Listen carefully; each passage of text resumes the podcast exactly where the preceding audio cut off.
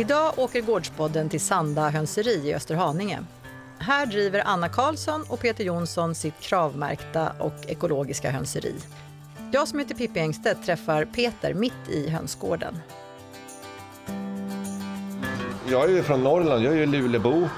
Hamnade nere i Stockholm här med alla, alla mina bilfrälsta kompisar. Som de idag driver biluthyrningar och bilfirmor och eh, fastigheter. Själv så ville inte jag bo på Söder för att träffa min fru Anna. Hon bodde på Söder och eh, vi ville ju bo på landet. Och då hamnade vi här ute på Sand. Jag hittade en annons och hamnade här. Och då hade de 25 000 hönor i bur. Som ingick i köpet rakt upp och ner, eller? nej, nej, utan Nej. de hade det. Vi fick hyra ett hus på den här Okej, ni hyrde först, ja. Ja, visst. Och sen tog det fem år. Då kommer de och gör upp sitt dödsbo, fördela det, sålde ut en del fastigheter och då fick vi köpa våran. Men de första fem åren där, där fick vi, jag fick ju lära mig allt om hönorna för de hade ju ingen som var tekniskt kunnig, meck eller någonting och jag hade ju allting i mitt bagage. Men du kunde ingenting om hönor från början? Ingenting om hönor. Nej. Vad, vad tyckte du? Kommer du ihåg första, första tanken Första på intrycket hönor? jag fick när jag kom hit det var Vad fan är det här? För det var burhönor. Och det första jobbet vi kom hit till det var när Pontus då som han heter och Pernilla, systern, som drev det här, ringer till oss och säger en lördag morgon, har ni tid att hjälpa oss? Vi står här, vi har fått fel på ägginsamlingen. Då hade de 50 000 ägg liggande på banden, äggbanden. Oj, Självklart så kom ju jag hit, tekniskt kunnig och fixade det på en, en röd dag då ingen annan kunde fixa det. Och vi fick in alla äggen. Hade, hade du en tanke på att det här kan jag fortsätta syssla med då? Inte riktigt. Inte riktigt, utan det, det, kom, eh, det kom eh, efter ett par år där jag jobbade och började lära mig mer och mer om hönorna. Jag kände att det här är, det här är en bransch som inte är vilken bransch som helst. Vi, På vi, vilket vi, sätt då? Det kanske är 2000 personer i Sverige som jobbar med just ägg. Så vi är väldigt få, men vi omsätter väldigt mycket pengar om man tittar så. Och då räknar du på alla som håller på med på alla sätt? all- alla Men det här med burhöns då, tänkte du på det då? Att det var... eh, alltså, Självklart så tycker jag att det är eh, fint att se en sån här Emil Gård eller någonting med hönor som springer runt och sprattlar. Men själv, självklart så är det ju viktigt att vi producerar ägg så att alla konsumenter har tillgång till äggen. För det skulle inte funka att ha 15 ägg på en gård. Men skulle all- alla andra då, det bor en miljon i city, hur ska de få ett ägg då? De kan inte ha några ägg. Så på det sättet. Så vi började, alltså när de då körde här, jag körde fem år här när de hade burarna, meck och höll på. Sen la de ner och då sa vi, inga hönor i bur, ingenting. Det här var på 90-talet, så vi var ju med från scratch. Så vi sa, nu släpper vi ut hönorna, vi gör dem ekologiskt och kravgodkända. Och vi började med 40 hönor.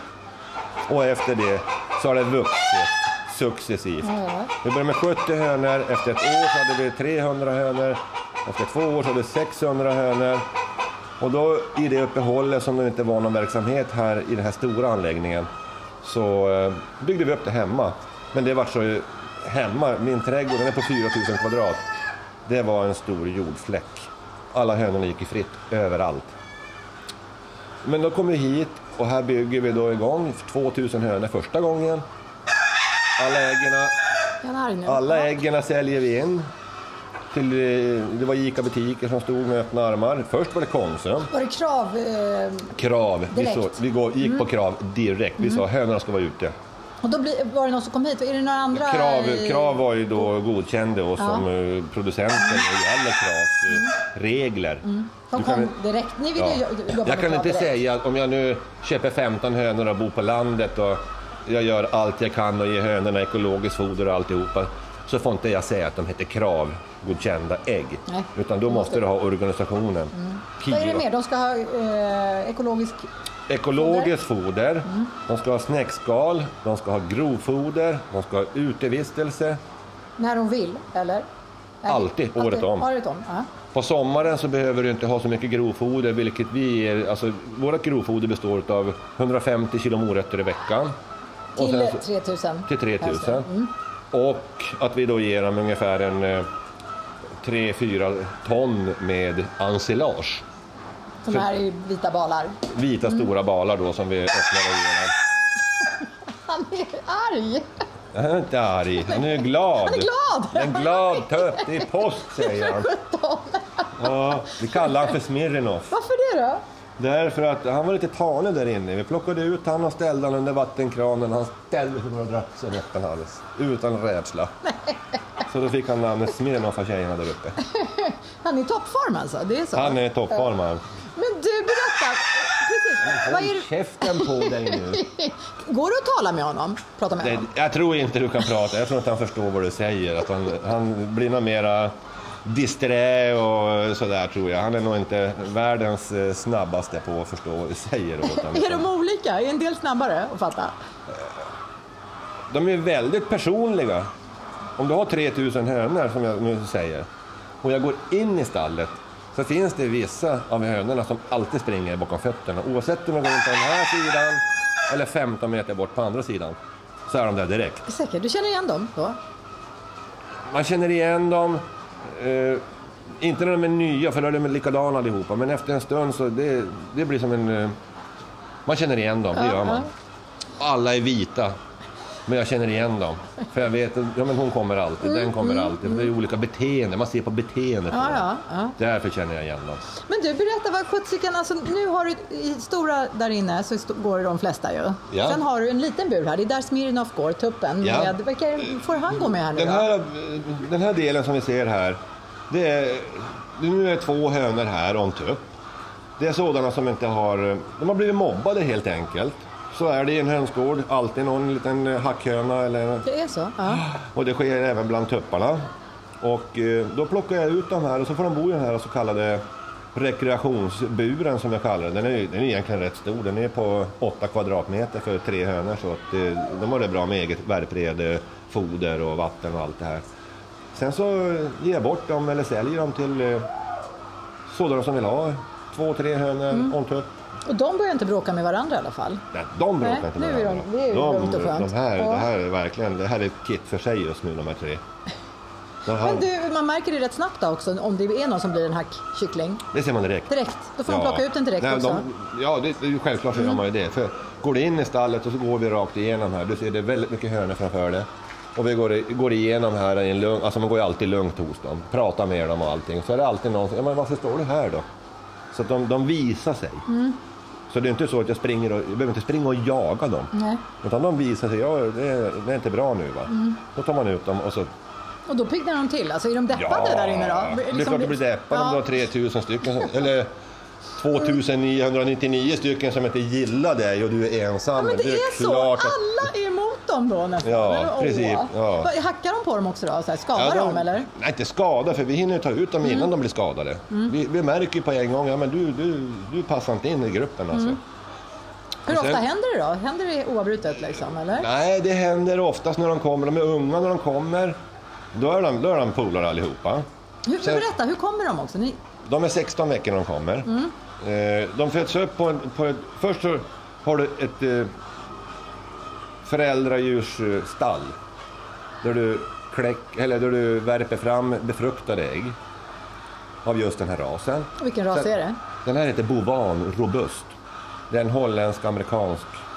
Sen finns det någon som heter Loman Leghorn. Den är den som alla känner till, Leghorn. Jag tycker de här är jättelugna, stadiga fåglar. Väldigt låg dödlighet. Men vad sa du, de kommer hit när de är från... 16 veckor. Ja. Då har de blivit först kläckta på... Först blir de uppfödda och sen uppfödare. Sen kläcks alltså äggen i ett kläckeri.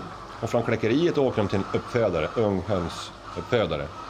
Och där får de växa upp och, och bygga upp sitt immunförsvar, sitt bakteriologiska försvar, så de klarar miljön.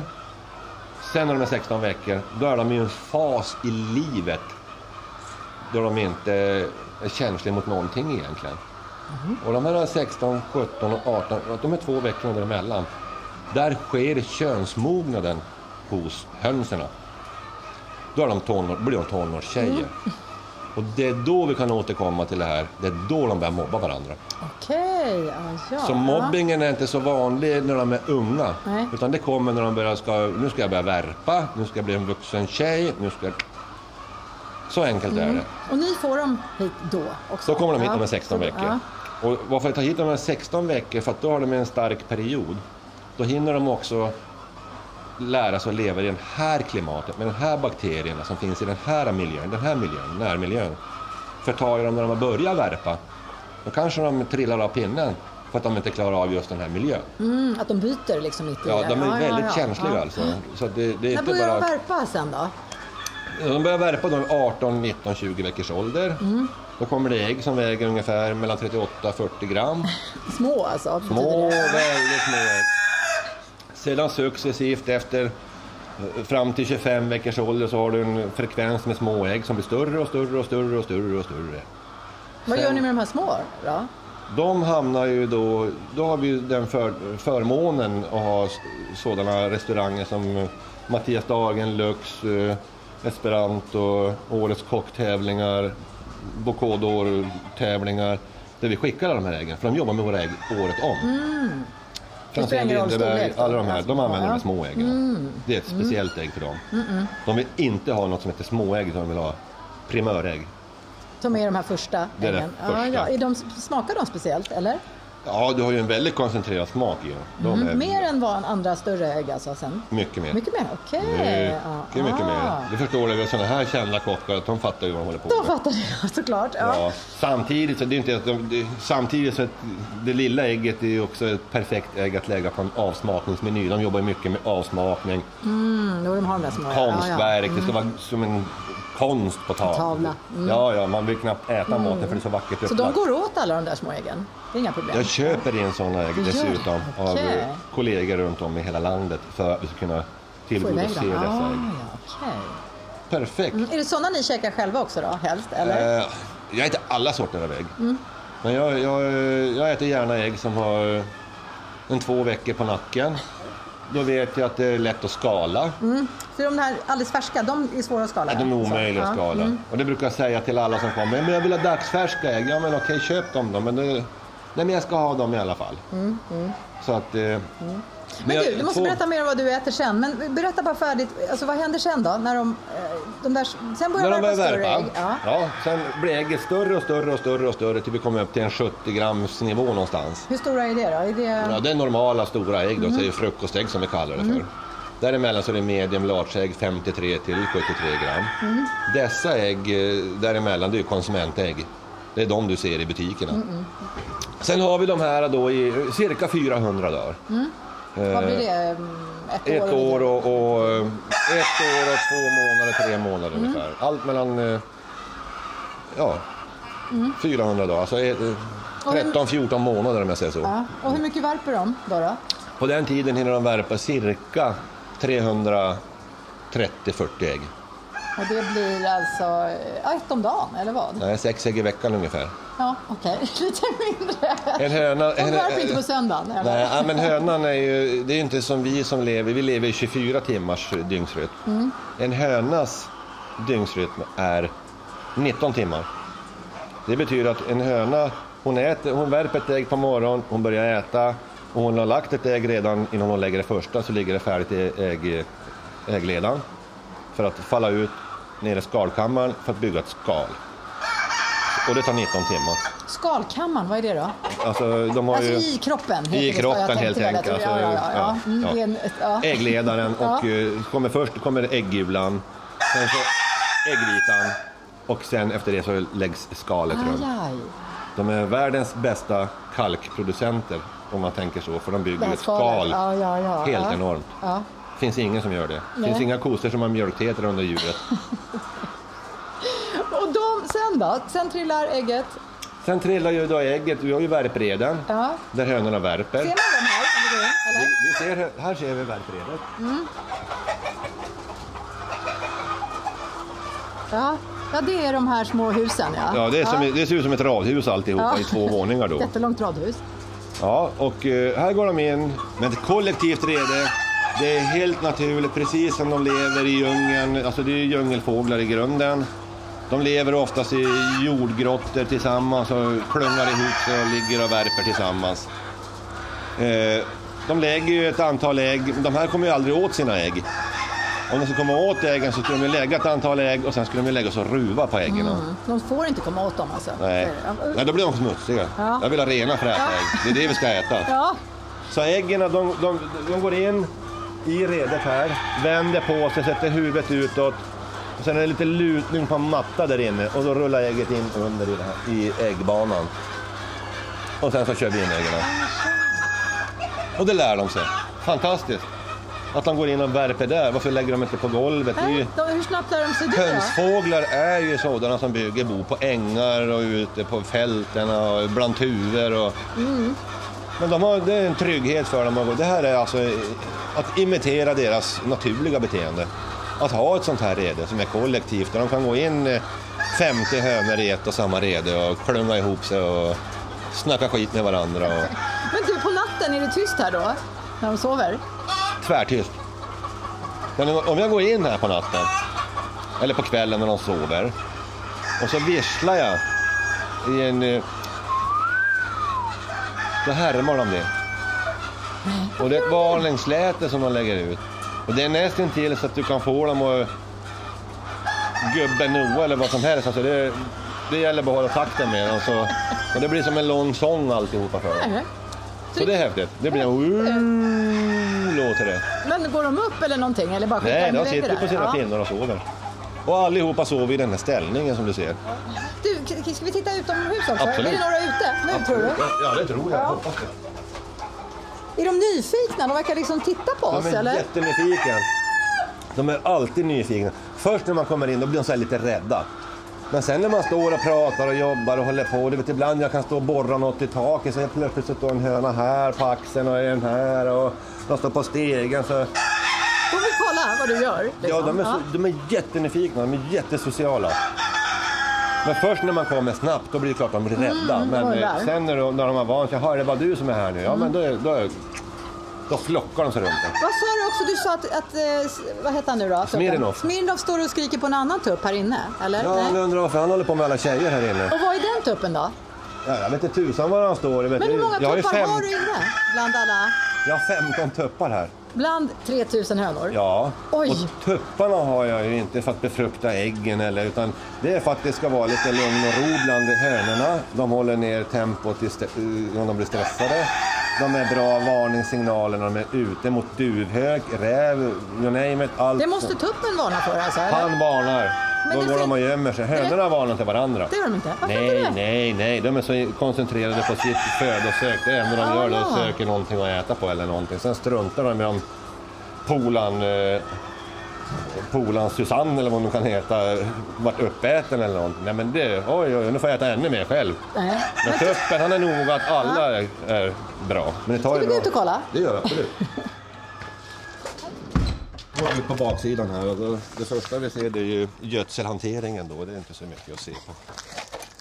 Ja, ja, här, har du, här kommer gödsel ja. Ja, här har vi utgödslingen och alltihopa. Och den här gödseln som vi då får fram här, det är ju en, en, eh, en ekologisk gödsel som vi då eh, har ett samarbete med en närstående bonde här eh, som, som eh, sprider det och det är 100 hektar då.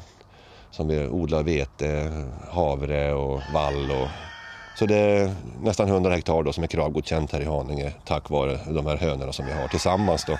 För vi har ju våra 3000 här som du har sett och de har 2 500 hos sig. Och då får vi tillräckligt med gödsel för att odla ekologiskt. Hur är hönsgödsel då? Hönsgödsel är starkt och luktar, luktar starkt. Men nu är det här en väldigt torr gödsel.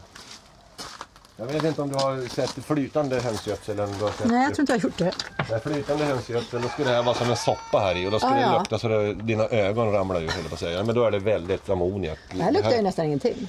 Lite, men eh, den är väldigt torr, du ser det är väldigt torrt det här. Ja, ja. ja. Och det är en väldigt bra, det är ett väldigt bra sätt att se på hur hönorna mår, hur ser gödseln ut? Okej. är Torr och fin, är de lösa i magen? Ja men det är inte bra. Nej. Torr och fin gödsel, bra hönor.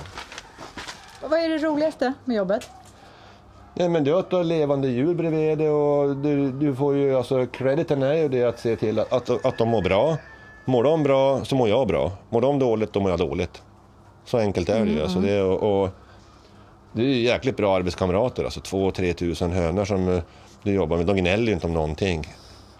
I, nej, de kommer inte att fråga om semester, ledighet och sjukdagar och vad heter det, vabba och babba och allt vad det heter idag. Utan det, det är ingenting hos hönorna utan det, de kör sitt race.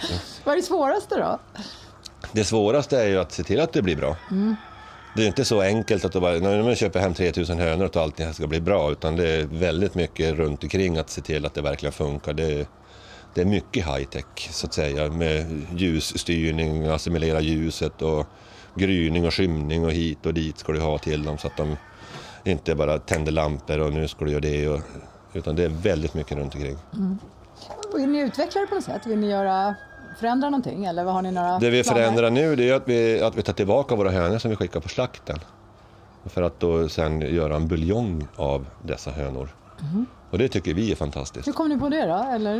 Eh, det var en eh, kompis som kom hem från Bali efter 19 år, byggmästare och kom hem till Sverige och undrade vart, varför finns det ingen riktig buljong i butikerna. Hönsbuljong? Just. Ja, hönsbuljong, kycklingbuljong, det finns ingen riktig buljong. Det är bara artificiellt smakmedel i alltihopa. Så att, eh, där eh, så tänkte vi, ja, men då tar vi tillbaka alla hönor vi slaktade. Och det gjorde vi första gången det här året. Då vi, då vi slaktade tog vi hem 2 500 hönor. Och nu har vi sålt allihopa, gjort buljong på alltihop. Så nu är det tomt igen. Men ni säljer kött också? Alltså Vi säljer höns- hönskött också. Men det har ni gjort längre tillbaka? Det har vi gjort tidigare också, men inte i samma omfattning Nej, som vi har gjort som- nu. ja. Utan nu, nu jobbar vi mot kommunerna, äldreboendena, sjukhus med mera för att eh, få in hönan. De som har kapaciteten själva att kunna koka en riktig buljong, näringsrikt, de gör det själva. Till exempel Södertälje kommun köpte ju 500 kilo förra veckan för att själva göra egen buljong. Och kan de inte göra det i sina egna kök i skolorna så kan vi tillhandahålla en färdigkokt buljong. Så det Så- kommer ni fortsätta med? Och liksom... Det kommer vi att fortsätta med och vi, vi, vi, vi säljer ju även buljongen då, det finns ju, vi säljer både på ICA-butiker och andra butiker så att det, det är ju inte bara till men framförallt det här näringsrika, det är inga slaggprodukter kvar eller någonting utan det var en riktigt bra, det är alltså hur mycket näring som helst i en buljong, det, det, det går inte att komma ifrån.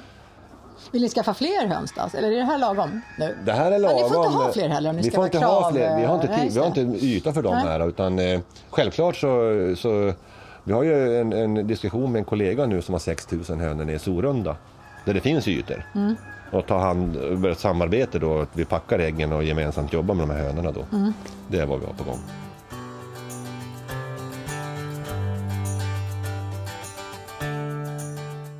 Detta avsnitt av Gårdspodden hälsade jag som heter Pippi Engstedt på hos Peter Jonsson på Sanda hönseri i Österhaninge. Gårdspodden kan man lyssna till på odda.ses hemsida och via iTunes och dessutom direkt i appen Gårdsbutiker 2013. Vi hörs snart igen.